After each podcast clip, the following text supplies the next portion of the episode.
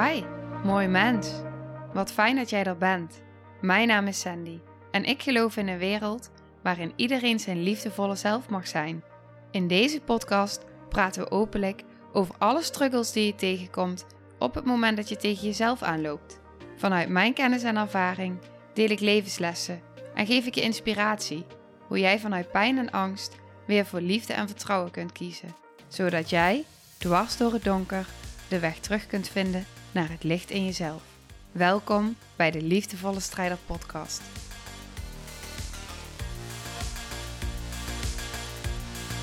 Hey, hallo. Hallo. Ik zit hier weer samen met Elle. Ja, daar zijn we weer. Ja. Eigenlijk geldt voor deze aflevering ook hetzelfde. Ik weet niet of je de vorige hebt geluisterd. Als je dat niet hebt gedaan, zou ik je aanraden om die sowieso te luisteren. En wat ik in het begin bij die aflevering ook zeg, is: ik zou niet per se in de auto luisteren. Kijk even of je een hulpbron hebt voor jezelf. Omdat nou, de thema's, ze zijn heel kwetsbaar. Waar we het over hebben. En uh, nou, ze zijn echt ook wel rauw, is denk mm. ik uh, ja. het goede woord.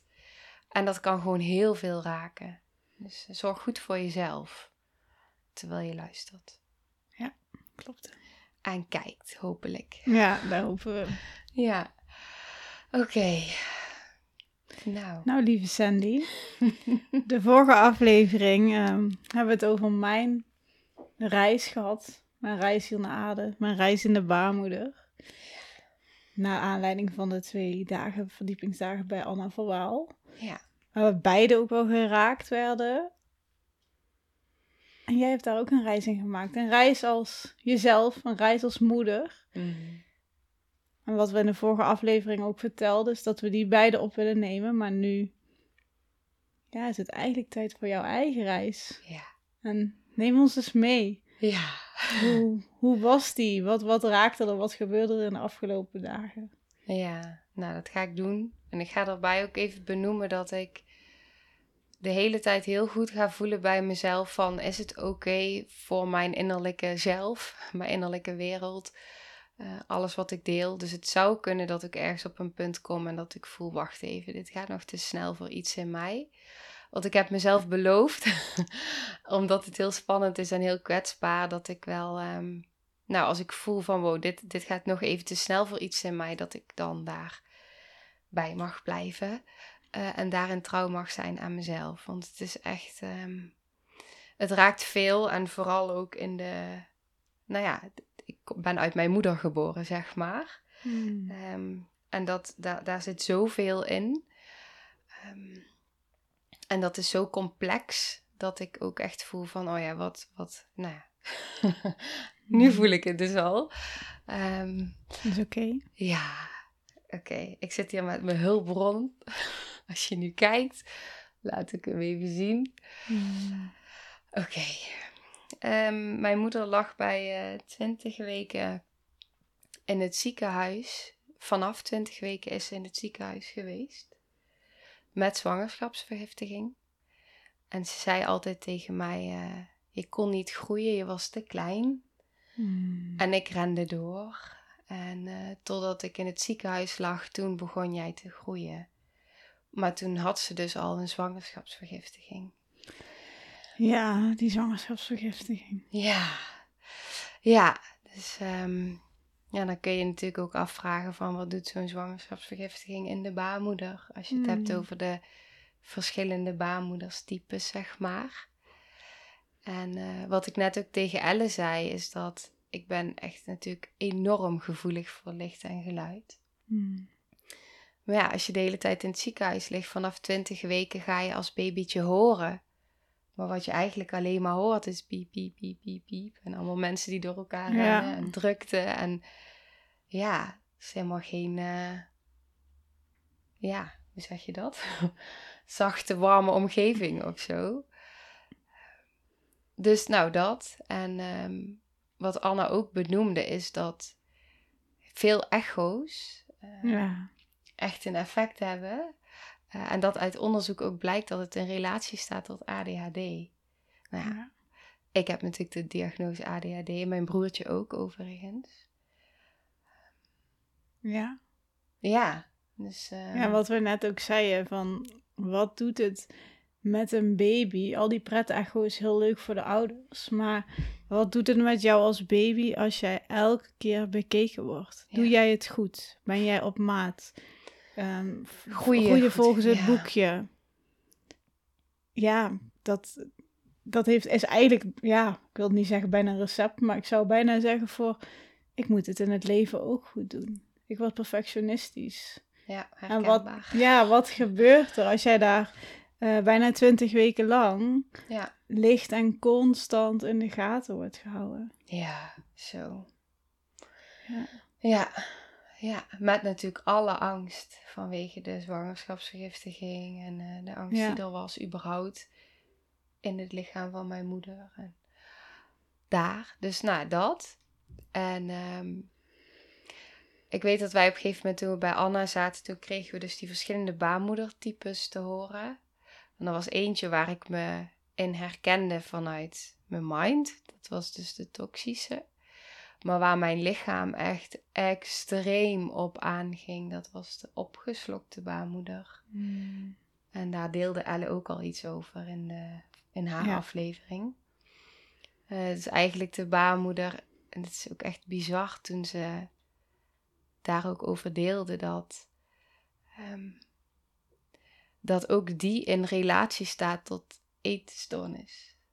En eh, er klikte zoveel in mijn lichaam op dat moment toen ze deelde over nou wat je dan ervaart als baby, zeg maar, in die baarmoeder. Dus eigenlijk ook, ja, dat er geen ruimte is voor jou. Maar dat, ehm, ja, dat, ja, oh, oh. Hmm, dat jouw mama, Wat zeg je? dat jouw mama jou misschien nodig heeft. Ja, dat ze mij nodig had, ja. Ja, ja, dat.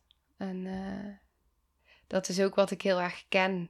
Het volledig wegbewegen van mezelf. Het volledig alert zijn. Zorgen voor de ander willen redden. Dat is echt wat ik vanuit mijn kindertijd en later in mijn leven. Dat heb ik nu natuurlijk allemaal. eh, dat is nu heel anders. Maar dat, op diepe lagen ken ik die echt zo diep dat ik altijd zo in die verstrikking en die verstikking zat van als het maar goed gaat met anderen. ehm, als, ja, als, ik- als ik er maar ben voor de ander, ongeacht mezelf. Ik, mij maakt niet uit, ik ben het niet waard. En die, ja, die klopte Mm. gewoon helemaal met, ehm, met die baarmoeder. En ook, nou, toen ik hoorde van eigenlijk heb, is er te weinig eten voor jou. Dat is toch wat ze zei, te Mhm. weinig voeding. Ehm, dus ik, ja, dat ben ik dus in mijn leven gaan eh, her... eh, ja, hoe zeg je dat? Her... Eh, ja, eh, eh, ik kom Ja. ook niet op het goede woord, maar je bent hem ja, gewoon Ja. gaan herbeleven eigenlijk. Ja. Je bent hem opnieuw gaan Ja, ik doen. ben hem gewoon doorgaan. en wat ik ook weet is dat pleasen is natuurlijk ook echt een, een overleefmechanisme naast vechten, vluchten en bevriezen. En ik had ze gewoon allemaal. En ook heel erg dus dat pleasen. Ja, er, er was gewoon, als ik mijn, de woorden opschreef voor de tijd, hoe ik mijn babytijd dan, nou de eerste woorden die door mij heen kwamen waren verstikking, verstrikking, paniek, benauwd. Ehm, ik kom er niet meer op. Kun je ze daar staan? Ja, ik heb ze, heb ik ze hier staan. Ik heb ze in ieder geval verbrand. Oh, ja. nu wilden ze loslaten. Ja, wat ik wilde. Oh ja, ik heb ze hier staan, dat klopt. Is fijn dat jij. eh, Alles in mij vindt het heel erg spannend. Dat is toch oké? Oh ja. Zit ook een beetje houvast. Ja. Verwond, verloren en terror. En dat is gewoon. Ja, dat is een rode draad door mijn leven geweest. En ehm, nou, dat besef van, oh ja, maar dat is wat ik dus daar al ervaarde in die tijd. En dan niet het besef vanuit mijn hoofd, maar voelen in mijn lichaam hoe alles aanging. Eh, mijn nervus vagus, dit, dit is zeg maar je grootste hersenzenuw. Daar heb ik van geleerd tijdens mijn hersenletsel. Nou, die, die staat gewoon nog steeds volledig strak. Het is iets rustiger nu, na een paar dagen. Maar alles, mijn hoofd, zweten, nou, alles reageerde gewoon echt. Ja, en de nervus vagus reguleert gewoon ook, hè. Dus die reguleert ergens daar die die Mm. heftige gevoelens en jouw fight-flight, Ja. jouw sympathicus. Ja, en dat kon ik niet. En er Nee. was niemand die mij reguleerde. En eh, nou ja, ik hoorde het Anna ook al zeggen, dat ook structurele dissociatie dus daar al kan ontstaan. En dat, dat, dat resoneerde zo diep in mijn lichaam, dat ik dacht, ja, maar dit is wat ik dus daar al deed. Ja, dat is echt, ehm, Als ik iets mag aanvullen, is het daar, heb je, was je daar al in die baarmoeder, was je al niet voor jezelf, nee, nee. maar voor je moeder. Ja. Ja, en ik wilde, ik, ik voelde natuurlijk haar pijn. ik heb altijd haar pijn gevoeld. Ehm, en die wilde, ik heb altijd heel hard mijn best gedaan om die weg te nemen en ik ben daar zo in gefaald. Ja.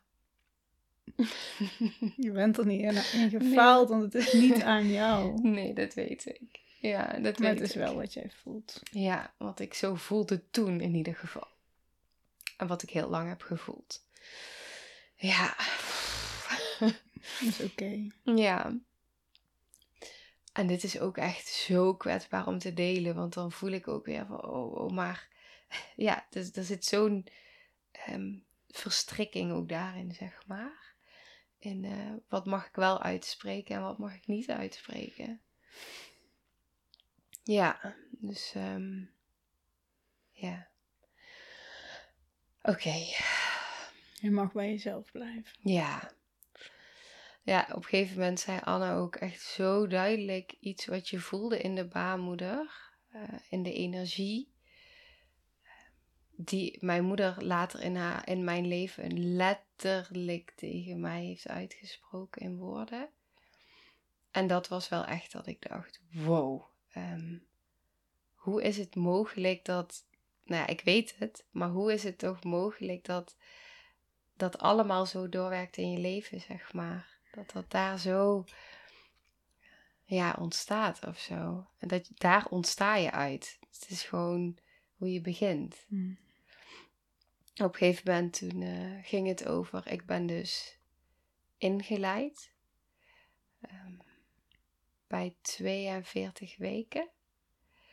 En wat Anna op een gegeven moment deelde, heeft mij enorm geraakt. Want ze zei, wat ze zien bij een baarmoeder op het moment dat jij de navelstreng om je nek had, en ik had hem drie keer om mijn nek, is dat op het moment dat een baarmoeder, eh, dat, die weet dat, dat die navelstreng bij het kindje om de nek zit.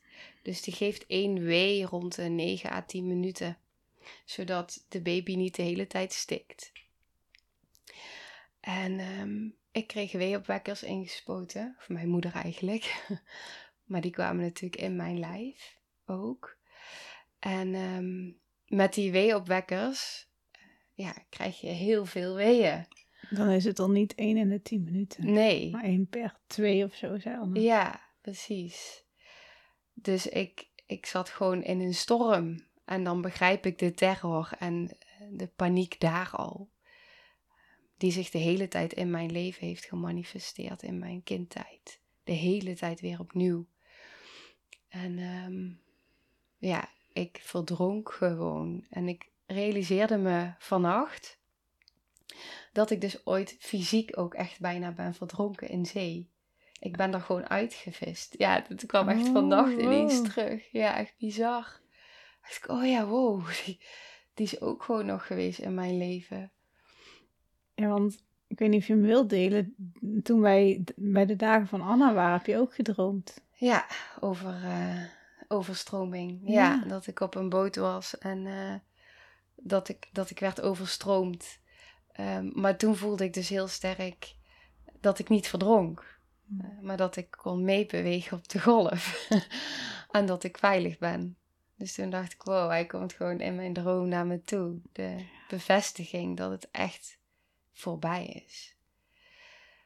Maar ja, ik heb dus inderdaad in die baarmoeder. ehm, ja, ik, het, het voelde, dat zei Anne ook en dat voelde ik ook in mijn lijf. En dat voel ik al heel lang. Het voelt gewoon alsof je doodgaat. En ehm, ik ben ook bijna doodgegaan daar. Ehm, Ja, ik weet dat, dat mijn moeder altijd zei: je kwam gewoon blauw-paars ter wereld. Ja. Dus, wee-opwekkers. Ja, en ehm, wat bizar was om te ervaren was op een gegeven moment hadden ze het over die patronen die je dan door je leven daarin voelt. En een van de symptomen was dat je geen uh, sjaals kan verdragen of kooltraaien. En hoe erger die navelstreng is geweest, hoe erger dat gevoel. Ik kon geen kettingen dragen, ik kon geen stiekjes in mijn haar, want het zat dan te strak. Soms BH-bandjes, traaien, ik kon het allemaal niet verdragen. En dat kwam naar aanleiding van die ongelukken. Maar dat was dus precies wat Elle laatst mm. deelde. Wat maakte dat ik die ongelukken kreeg. Want alles wat in relatie stond aan symptomen na die ongelukken, zijn traumasymptomen. En op een gegeven moment deelde een van die vrouwen, zij, was, zij deed iets met brein. Oh ja. Iets. En zij deelde dus als aanvulling naar wat Anna deelde, en die klapte bij mij echt heel diep binnen. Wat je dus fysiek ervaart als jij dus gestikt bent en uh, ja, nee, gestikt eigenlijk. Ehm, dat je dus, je longen zijn kleiner. Nou, dat is bij mij ook zo. Ehm, ja, zo. Wat was het nog meer? ik weet het ook niet. En uh, jij ging op dat stuk heel erg aan. Heel erg ik ben vooral toen... Ik dacht, oh, ben jij oké? Ben je oké? Oh, ja, ik ga even kijken, want ik heb het opgeschreven daarna. Dat is heel fijn, want het, nu denk ik, oh god. Het was ook iets met de lever, maar... Ja, met, met de longen. Even kijken. Het is fijn dat kunnen schrijven. Um, ingeleid. Navelstreng. Oh, die nervus vagus. Sowieso. Mm. Nou, voeding en de maag. En paniek. In je leven paniek en benauwd. En um, nou, als je... Dat is wat ik altijd heb ervaren benauwd. Continu, want ook toen ze, dat was echt bizar. Toen ze daarover begon te delen, over die navelstreng, toen begon ik weer te gapen. Zo van, oh, je moet lucht binnenkrijgen, zeg maar. En dat is gewoon meteen een reactie van mijn lijf. Die ik zo ken, want die heb ik altijd gehad. Um, op het moment dat mijn hartslag omhoog ging, ook met sporten, dan kreeg ik dat gevoel van ik krijg geen lucht. En ik snapte dat nooit, want ik dacht, ja, er is toch niks aan de hand, alleen mijn hartslag gaat omhoog. Maar mijn lichaam linkte die aan um, ja, doodgaan. Eigenlijk. In plaats van geboren Ja, en um, ik heb ook de ervaring, net als Elle, dat er iets in mijn keel zat tijdens mijn geboorte. Ik ben daar in de reizen bij uitgekomen. Dus ik vroeg ook aan Anna van, uh, kan het zo zijn dat je, als je zo geboren bent, dat je beademd wordt? En dat kan. En wat ze dus zeiden is dat ze dus vaak zien dat kindjes die niet de eerste lucht zelf hebben gehad, dat ze astma krijgen. Hmm. En ik heb echt, echt enorme astma gehad. Heel veel astma-aanvallen, heel veel paniekaanvallen. Ik heb echt zo vaak het gevoel gehad dat ik stikte. Ehm, ja, waar komt die vandaan? Ja, ja dus het, het, was alsof zoveel dingen in elkaar, uh, die ik eigenlijk al wist, ja. Maar ik voelde nu het in mijn lijf bevestigd worden. Het lichaam heeft eigenlijk al die tijd gewoon laten zien van dit is wat er nog is. En dit mag, hier mag je iets mee ooit, wanneer je daar bent. Ja, ja. En dat doe je nu. Ja. Dat heb je ook al gedaan natuurlijk, maar... Ja. ja, en ik weet ook dat ik op... Ik ben in verschillende reizen teruggegaan naar mijn geboorte ik weet dat ik op een gegeven moment ook echt voelde dat ik niet wilde. Dat echt nee, nee, nee, nee, nee, nee, nee. Ik wil niet. Um, ik ben zelfs in een reis uh, bij mijn lichaam gekomen dat ik zo niet, dat het zo niet veilig was om geboren te worden.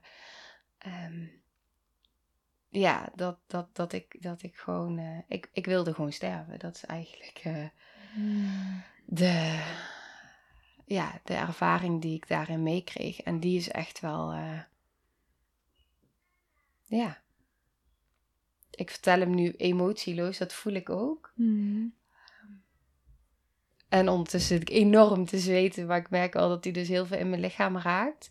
Maar ik voel ook dat ik hem nu niet helemaal kan voelen, want het is gewoon te groot, zeg maar. Ja. Voor nu. ja. In ieder geval hier op de podcast. ja. Ja. En dat mag er ook zijn, want jij doet het, weet je, je deelt het vanuit waar je nu bij kan en vanuit ja, op dit moment. jouw zijn, ja. Ja, en ik voel dat ik. eh, ik, ik, kom, ik had gisteren had ik een eh, ceremonie gehouden met mezelf. Omdat ik dus echt nou, door hele diepe lagen hierin in, ja, wilde voelen. Of voelde al. Het was er gewoon al. Ik voelde het ook overal in mijn lichaam. Echt de klachten van mijn hersenletsel waren er echt in hele enorme mate. Ik dacht, ja, zie je, dus ook daar ligt die Mm. oorsprong daar. En ik was in die eh, ceremonie met mezelf en ik voelde dat ik over verschillende tijdlijnen heen bewoog. Ehm, en dat is ook mijn geboorte, en dat hoorde ik Anna ook zeggen, maar ik voelde hem nu ook, echt in relatie stond tot, tot vorige levens. Mm. Eh, tot, tot hoe ik op een bepaald einde ben gekomen. En die staat in relatie tot vuur. En eh, verbranding. En wat ik dus, wat dus zo bizar is, is dat ik als kind. ehm, ik heb dit geweten als kind. Mm. Ik heb als kind verschillende dromen gehad. Twee. Eh, eentje die ging over een heks en verbranding. En eentje ging over verdrinking. En ze kwamen de hele tijd allebei eh, door elkaar heen. En ze kwamen gewoon terug, continu. Ze waren levens echt. En ik weet dat ik op een gegeven moment als kind... Want het was voor mijn zevende levensjaar. Want het was voordat mijn ouders gescheiden zijn. En ik weet echt heel weinig van, van die tijd. Maar dit staat zo diep in mijn cellen. Dit weet ik nog exact. En ik weet dat ik op een gegeven moment voelde, instinctief of zo. Ik, ik mag die dromen, ehm, ik mag daar naartoe. In plaats van dat ik het eng vind en ervan weg. Ik mag ermee zijn. En toen kon ik, ja, volgens mij heet dat lucide dromen of zo. Mhm. Toen kon ik ze veranderen. Ja, ik weet niet. En dat kon je op je zevende? Ja, Of onder Daarvoor? Ja. ja. Wauw. Ja, en wat dus bijzonder was gisteren was dus dat ik in die ceremonie zat met mezelf. En daar kwam het de hele tijd, en de laatste tijd komt sowieso het thema vuur terug. En ik voelde gewoon, nou, er wordt hier even iets getikt. Ehm, ik voelde gewoon op een gegeven moment dat ik op een laag zat, dat ik voelde dat ik echt iets mocht losbranden uit een, uit een vorig stuk. Ehm, zonder daar, ik weet niet, zonder in verhalen of zo. Mijn hoofd hoeft het allemaal niet te begrijpen. Het is gebeurd gewoon, ik voelde het door me heen en ik ben gewoon hier. Maar ik voelde dus heel sterk van, wow, dit gaat over zoveel, dit gaat zo diep. Dit is gewoon echt mijn celgeheugen. En dit gaat helemaal, dit, dit weeft door mijn hele leven heen nu. Ja, Ja, het is echt bizar. want ik weet ook dat jij mij een berichtje stuurde dat je iets verbrand had. En dat ik ook zei, oh wow, je hebt me ooit iets verteld over een, ja, een, iets met vuur in een vorig leven. En eh, ik zeg, misschien, eh, ja, De heks in mij Ja. dacht, ik ben terug. ja, Jullie kunnen Nee, me maar de- verbranden, maar ik kom gewoon terug. precies. Je mag hem nu, eh, en je lacht er nou mooi om, maar Ja. ja. Ja. ja, ik lach erom, zeker. Dat is ook gewoon ergens een soort van eh, bescherming in de hoeveelheid, hoe diep dit eigenlijk gaat. Mhm. En ik voel dat ik hierover wil delen. Maar wat ik dus ook merk hierin, is wat mij helpt, is als ik dit dus op zielsniveau bekijk, alles, ehm, dat wat er in mijn leven is gemanifesteerd en is, er is gewoon ja, heel veel eh, geweest waar, wat ik nog niet kan delen in de podcast, omdat het zoveel verstrikking, zeg maar, eh, nou ja, raakt. Ehm, dat ik tegelijk ook echt als ik het op zielsniveau ga bekijken van wow, maar mijn ziel die gaat, die gaat hier gewoon zo, ik word zo afgeleid door dat getik. Mm, merk het, ik ook hoor. Iemand op de achtergrond even iets aan het aantikken waarschijnlijk. En dat is oké, maar eh hij wil even hier eh, Oh, blijven. ja. Dus mocht je dat horen, ja, weet je, Ja. kijk daarin ook of je gewoon bij ons kunt blijven. Is een uitdaging dit. Ja, voor ons ook. Dus, Ja, eh, het is echt een uitdaging. En dat vind ik dan ook interessant, want dan denk ik, oh, grappig dat dat nu... hmm, ehm, precies nu gebeurt. Ja, niets is toeval. Dat geloof ik echt niet. Van mij wakker schudden. Nee, ik raak helemaal van mijn uh, apropos af, merk ik. Ja, ja ik, kan niet, uh, ik kan dit niet. Ik word hier... Uh, dit, dit is ook meteen mijn systeem wat alert wordt. Hmm. Um, wat denkt, wow, maar wat gebeurt hier? En ik kan dan niet... Ja, niet meer praten eigenlijk. Nee. Al die geluidjes om jou heen. Ja, al die geluidjes. Dus hadden we het net over piepjes en, uh, enzovoort. Ja, dan gaan al mijn, mijn, mijn alertheid gaat gewoon aan. En dan moet ik kijken, wat gebeurt hier? Kan ik het nog ja. wel scannen? Ja, je kijkt nu dus echt om je heen. Mocht het met de camera niet lukken. Ja. Ja. ja, dus... Um, ja. Dus ik weet het even niet. Ja, je was bij het uh, verbranden en het... ja. Ja. Stukje dat het op zielsniveau voelde. Ja, dat ik als ik het op zielsniveau bekijk, dat ik al mijn ervaringen in, mijn, in dit leven, dat ik er veel meer vanuit compassie en acceptatie en overgave en vertrouwen naar kan kijken, dan wanneer ik het bekijk vanuit mijn, mijn pijn, mijn traumadelen, die bepaalde ervaringen hebben gehad die nou ja, me getraumatiseerd hebben. Als ik het op die laag ga bekijken, dan um, dat is anders, zeg maar. Ik kom echt in mijn kracht als ik het mm. kan bekijken vanuit de diepere lagen, vanuit een dieper weten. Dat, dat ik geloof dat ik in dit leven bepaalde ervaringen nodig heb. Dus ook tijdens, uh, tijdens de zwangerschap, tijdens de bevalling. Dat ik die nodig heb, zodat er iets geactiveerd kan worden in dit leven om thema's uit een vorig leven te helen. Ja. En dat, dat, dat als ik het zo. Ja, het helpt. En wat mij ook helpt is door de, nou, om het een bijna doodervaring te noemen, door mijn geboorte, maar ook dankzij mijn geboorte, kan ik nu in de wereld hier neerzetten en doen waarvoor ik hier ben. Hmm. Want dat had ik anders niet gekunnen. Nee, want het heeft iets geactiveerd in jou als persoon. Ja. En je neemt daarbij iets mee, wat je, waardoor jij ehm, op een ander level misschien voelt, omdat dat op dat moment ook nodig was. Of, ja. enorme sensitiviteit. Ja. ja, en dat is. Uh, ik, ik voel op zielsniveau dat ik daarvoor hier ben. Dus hij klopt aan alle kanten. Hmm. En dat is net als met die ongelukken die ik heb gehad. Als ik ze niet had gehad, was ik door blijven rennen. Dus het, het is zo helend of zo om. Nou ja, en die realisaties te hebben van oké, maar dit heb ik echt, ik heb dit gewoon echt meegemaakt. Dus bewust van, oh ja, maar dit is echt heel pijnlijk. Um, zeg ik met een lach. En tegelijk ook daarnaast het ook op zielsniveau, maar het ook te kunnen voelen in mijn lichaam. Wat ik jou ook in de vorige aflevering zag doen.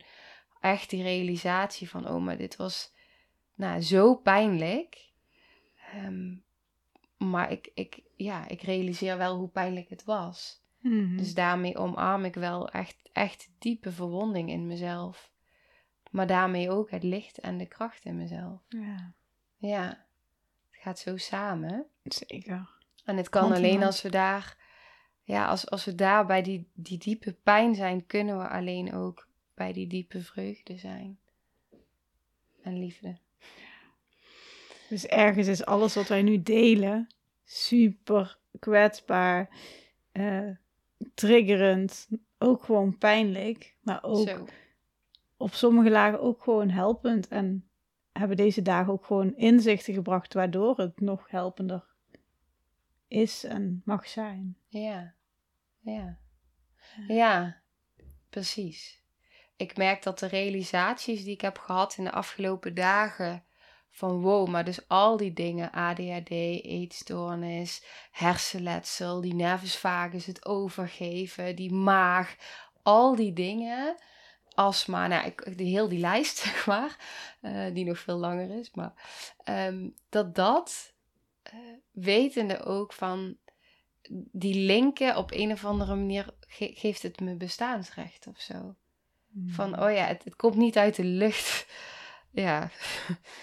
um, alles heeft een relatie tot. Ja, en dan heeft het ineens meer zin of zo. Dan is het niet als ik denk aan al die paniek die ik heb gehad in mijn leven, aan paniekaanvallen, aan astma-aanvallen, aan luchttekort en naar dat, dan is het niet zinloos geweest. Maar heeft het me iets willen vertellen? Mijn lichaam heeft me gewoon iets willen vertellen. En nu pas, ja, lijkt het alsof ik het steeds dieper kan gaan zien en voelen. Ja, en als ik mag soort van samenvatten wat Ja. ik dan hoor, is ergens ook heel mooi dat je eigenlijk in eerste instantie zegt, ik zat in die opgeslokte baarmoeder. Mijn moeder had mij nodig op Ja. sommige vlakken. En daarin had ik dus niet vanuit mezelf bestaansrecht, maar voor haar. Ja. En ik hoor je net zeggen dat je bestaansrecht hebt voor jezelf, Ja, voor wie jij bent. ja, ja, Dat is toch super mooi? ja, ja. Dat Kijk eens welke reis je dan ook daarin al maakt. Zo. En waar je vandaan komt. Ja. ja, maar dat is ook echt. Als ik denk aan de zin, ik ga hem toch uitspreken, want ik voelde het al, maar ik dacht ik kan het niet, maar kan het wel. Ehm, die voor het gevoel stond in de baarmoeder, eh, jij bent van mij. Ehm, daar, eh, nou ja, van mezelf kunnen zijn en mogen zijn, zonder invloed, zonder macht, maar gewoon echt zijn wie ik in de kern ben ja, dat, dat ik die reis heb mogen afleggen. Ja, ik had nooit geweten hoe het is om daar niet te zijn als ik dat niet, ja, als ik daar niet ben geweest, als ik niet zo diep was geweest. Ja. En dat is wel echt een hele, hele verwonde en pijnlijke ervaring, maar tegelijk ook, ja, zelfs dan kun je dus helemaal weer bij jezelf en in je kern komen. Het heeft je wel uitgenodigd op die manier om Ja.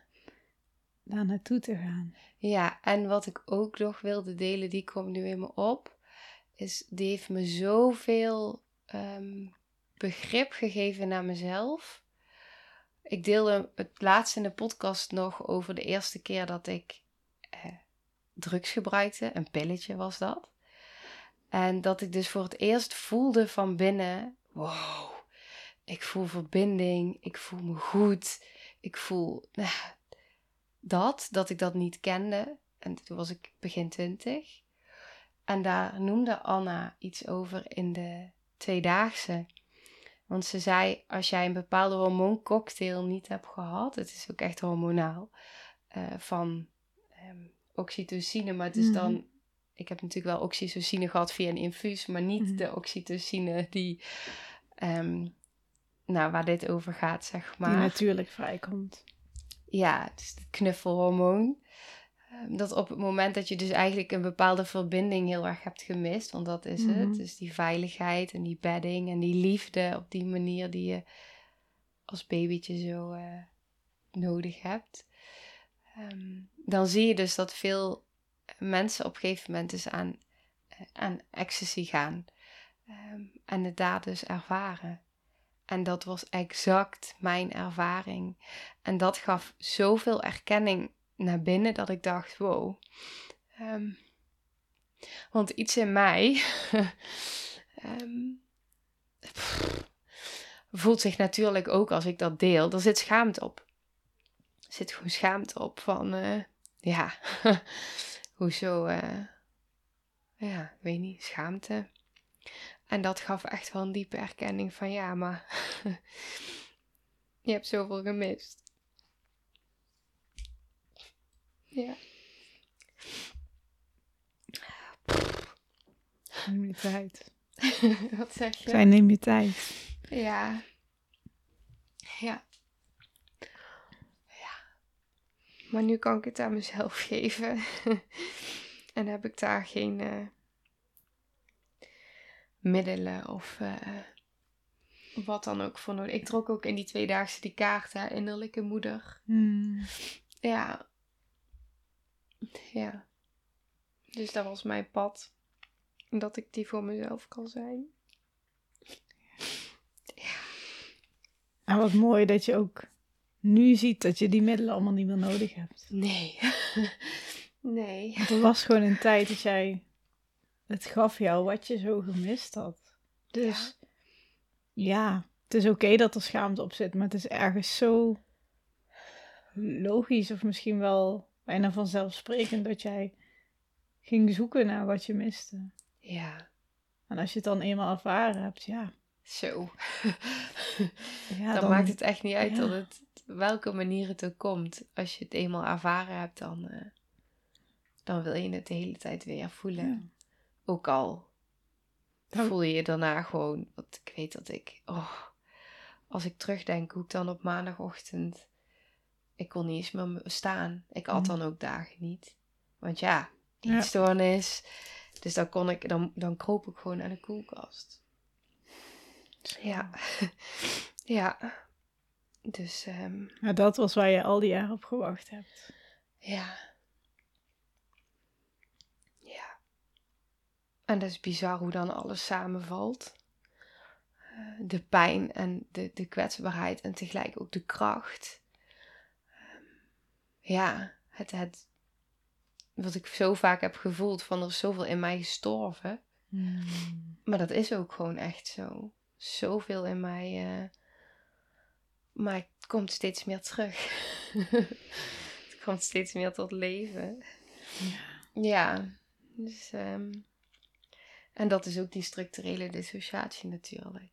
Het is gewoon allemaal afgesplitst en nou komt het gewoon allemaal thuis. Ik denk iedere keer, oh ja, ik ben weer op een diepere laag, nou ben ik er. En dan kom ik weer op een diepere laag en denk ik, ja, nou ben ik er. Ja, het gaat steeds dieper. Ja, Oké, nou, dit is wel even voldoende. ja is voldoende. Ik ben er klaar mee. Ben je er klaar mee? Ja.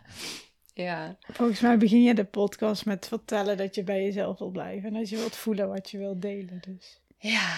dan Ja. denk ik dat het heel mooi is dat je dat nu ook voelt. En Ja, het is zo, het is zo kwetsbaar. Zo voelt het. Terwijl ik ook voel dat ik het ook deels echt wel vanuit een afstand deel of zo. dat, Het wisselt een beetje. ja, erin en dat, eruit, dat erin zie en ik. eruit. Maar dat is ook oké. Ja, precies. Want ja, weet je. Eén, het is jouw podcast. Dus doe lekker zoals hij voor jou goed voelt. Ja, toch?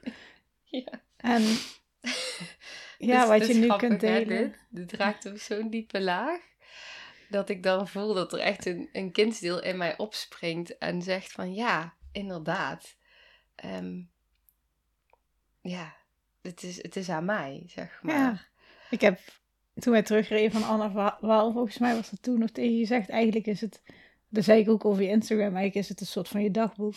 Ja, En dan schrijf je toch ook in wat jij wilt opschrijven. ja, ja, precies. En soms vanuit verbinding, soms vanuit afstand. Ja, ja. Ja, en ik merk dat in een dagboek is het natuurlijk, dan kun je gewoon, gewoon rauw helemaal alles opschrijven zonder dat je weet van, het hoort iemand of leest iemand of het Mhm. komt bij iemand terecht die ik niet wil kwetsen. Ja. Mm. Ehm, ja, en dat is natuurlijk, ik, ik voel dan ook, ja, ik weet niet, dat, is, dat blijft, zeg maar. Maar ik mag trouw zijn aan mij. En eh, ik heb het recht om te spreken. Ja. Dat heb je zeker. Ja. En dat doe je ook heel mooi. ja, en dat is iets wat niet alles in mij eh, helemaal eh, nog steeds, maar heel veel in mij wel. Dus. En dat helpt. Dus het is Mooi. dat het eh, iets kan brengen voor de ander en voor mij. Ja. Ja. Dus van die kleine, kwetsbare baby, die eigenlijk altijd in de gaten werd gehouden. Die... Mm, zo. Het, wow, als je dit zegt. Niet alleen als baby. Oh Mm. jeetje. Ook dat. Het is echt. Als je, ja. Ook dat is echt gewoon zo doorgegaan. Wow.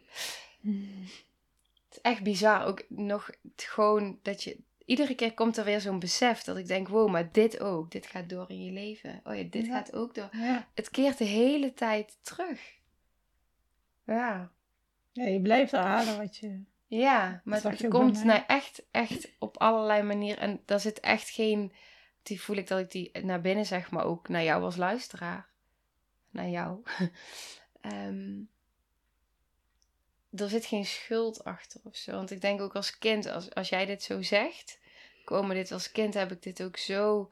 Maar daar kun je helemaal niks aan doen. Het is gewoon wat je Nee, dat kun je niet. overkomt. Alleen op een gegeven moment heb je natuurlijk wel de verantwoordelijkheid om. eh, Ja, die om daar stappen in te zetten. Ja. En dat, dat is ook wat je doet. En daar wilde ik ook eigenlijk naartoe. En dus het is helemaal oké wat gebeurt. Zo bedoel ik het niet. Maar ehm, ja, die wil ik wel toevoegen. Want Mm, van, van die kleine baby naar dit. Ja. Ja. Ja, en die baby die mogen we echt koesteren. Mm, Heel dicht bij ons. Ja. ja. Oké, nou we gaan hem nu echt afronden. Ja, goed. ja. Ja, dankjewel voor het luisteren. Dankjewel. Ja, ja. jij ook. Tot de volgende. Ja, jij dankjewel. ja, tot de volgende. Nou, veel liefs.